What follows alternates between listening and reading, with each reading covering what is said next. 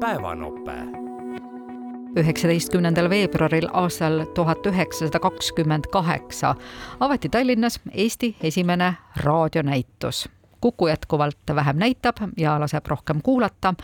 nii on tänased päevanopped ka teie ees hommikuraadios oli regionaalminister Madis Kallasel koolide sulgemise osas oma seisukoht regionaalpoliitiliselt või äh, see, et igal pool Eestis oleks elu, äh, kõige esimene nii-öelda tingimus selleks on, et selles piirkonnas oleks kool, kool ja lasteaed.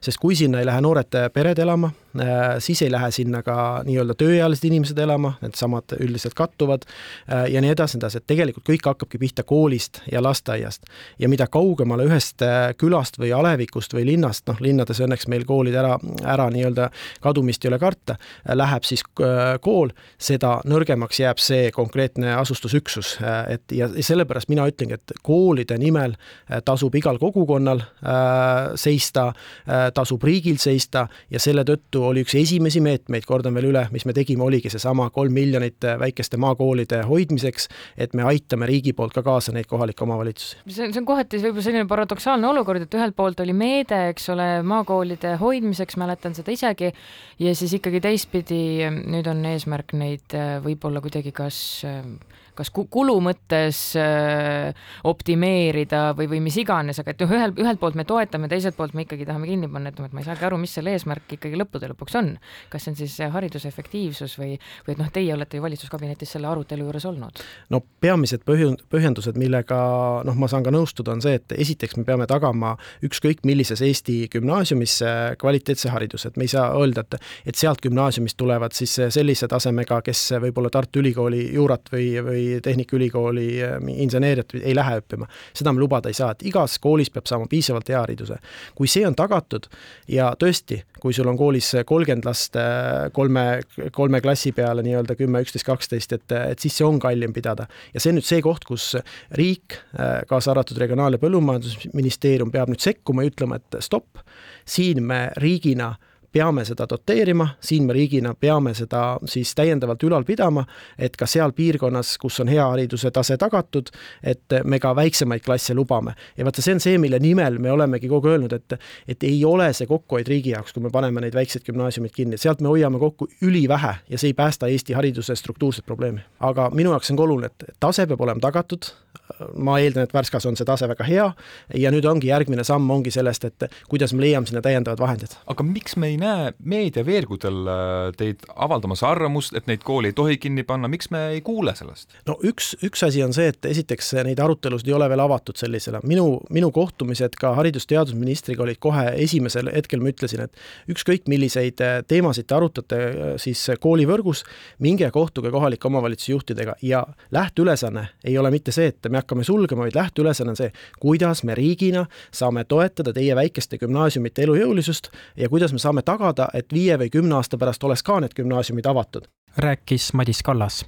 sihikus selgitas diplomaatia peatoimetaja Merili Arjakas arenguid Iisraeli-Palestiina konfliktis. läänekaldal on jätkuvalt kokkupõrked iisraellaste ja palestiinlaste vahel, aga need on enamasti suhteliselt limiteeritud Iisraelil on jätkuvalt kokkupõrked põhjapiiril äh, terrorirühmitusega Hezbollah Liibanonis, mis on sellise ulatusega, et äh, kui samal ajal ei toimuks Gaza sõda, siis me, kogu tähelepanu oleks keskendunud põhjapiirile ja väga kardetakse sealset eskalatsiooni. aga nagu mainitud, siis ennekõike ikkagi tegevus Gaza sektoris on see, mis on kõige suurema tähelepanu all Iisrael jätkab seal sõjategevusega, rünnakutega Khan Yunise peale ennekõike, aga ka piiratud ulatuses Gaza linnas ja Rafahis ning situatsioon on natukene selles mõttes halb sõna, aga muutunud rutiinseks. ehk siis eh, lahingutegevust teatavad hukkunud igapäevaselt. Iisrael esitab seda kui võiduna Hamasi suhtes, mitte küll veel lõpliku võiduna, aga nad tahavad näidata, et paljud nendest hukkunutest on olnud seotud Hamasiga ja vastupidi, siis teisel pool Hamas tahab näidata, et mitte keegi neist ei ole olnud seotud nendega Gazas tegutseb jah, terroristlik Hamas, läänekaldal on mõõdukam Palestiina omavalitsus, aga nende omavahelised suhted ei ole vist ka kõige soojemad. See on isegi liigselt positiivselt kirjeldatud, sellepärast et äh, kui meenutada, kui Hamas Gaza sektoris võimule tuli, siis nad ikkagi Fatahi toetajaid viskasid katuselt alla ja olid väga vägivaldsed nende suhtes.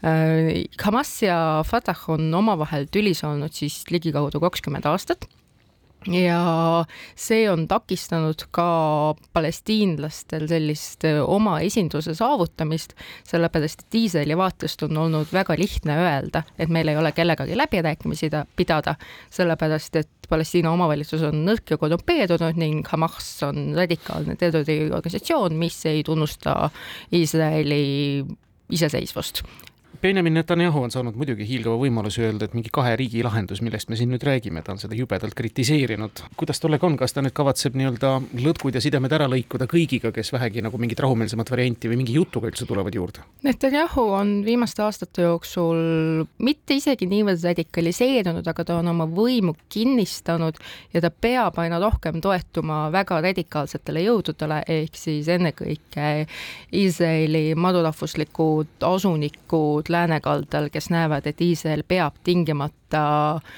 oma võimu kehtestama kogu ajaloolise Palestiina mandaatterritooriumi üle, sellepärast et see on neile piiblist antud maa. väga suur osa rahvast praegu väga tugevalt Netanyahut kritiseerib ja nad süüdistavad, et Netanyahu ei ole võimeline välja mõtlema sellist poliitilist lahendust, mis pantvangid koju tooks, mis suudaks Hamasi probleemi Gazas lahendada, mis suudaks paika panna mingisuguse normaalsed suhted palestiinlastega. kõneles nooremteadur Merili Arjakas.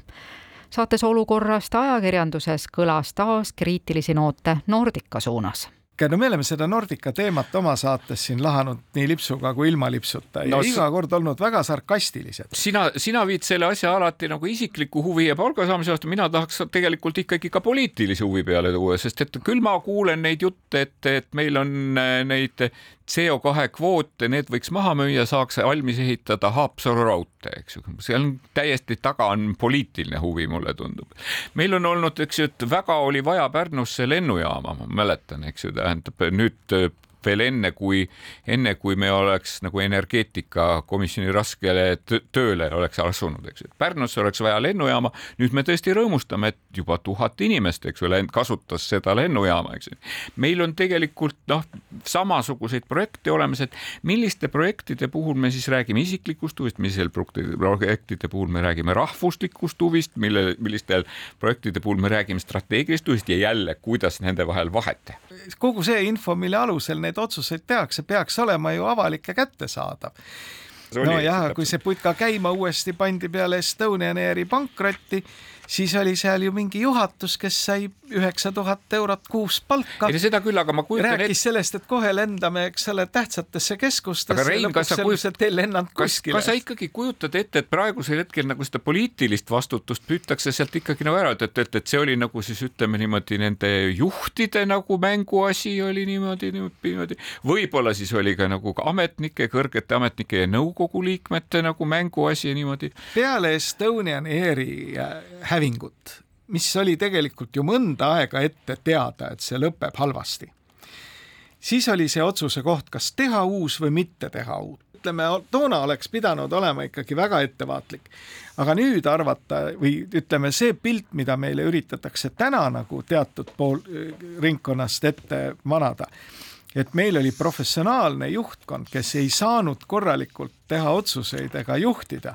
Ja seetõttu läks see jällegi nagu allavett ja täna ju ka ta ju veel eksisteerib ja minu arvates viib täna ka veel raha kassast välja, mitte ei siis kas see ära lõpetada või kohe ära müüa, siis minu arvates Miksalu loos oli erakordset ajakirjanduslikku väärtust omav see koht, kus ta rääkis eh, Balmeeni ja Martin Helme kui rahandusministri kokkusaamisest, kus Balmeen olevat teinud ettepaneku, et ta teeb sellele kontorile buyout'i ehk ostab selle riigi käest välja, sisuliselt erastamisettepanek mille järel olevat Helme muutunud ettevaatlikuks. see tekitas kohe mõtte, et ju on Nordica grupis mingid salajased pärlid peidus, et juht tahab ära osta. aga huvitav no. oli ju see, et peale seda tulid kõikvõimalikud huvitavad diilid marapuu ja kõige muuga kas mitte ei soovitud hinda alla kaubelda ja see on ajakirjandusel jäänud nagu kahe silma vahele nii arutlesid Rein Lang ja Väino Koorberg.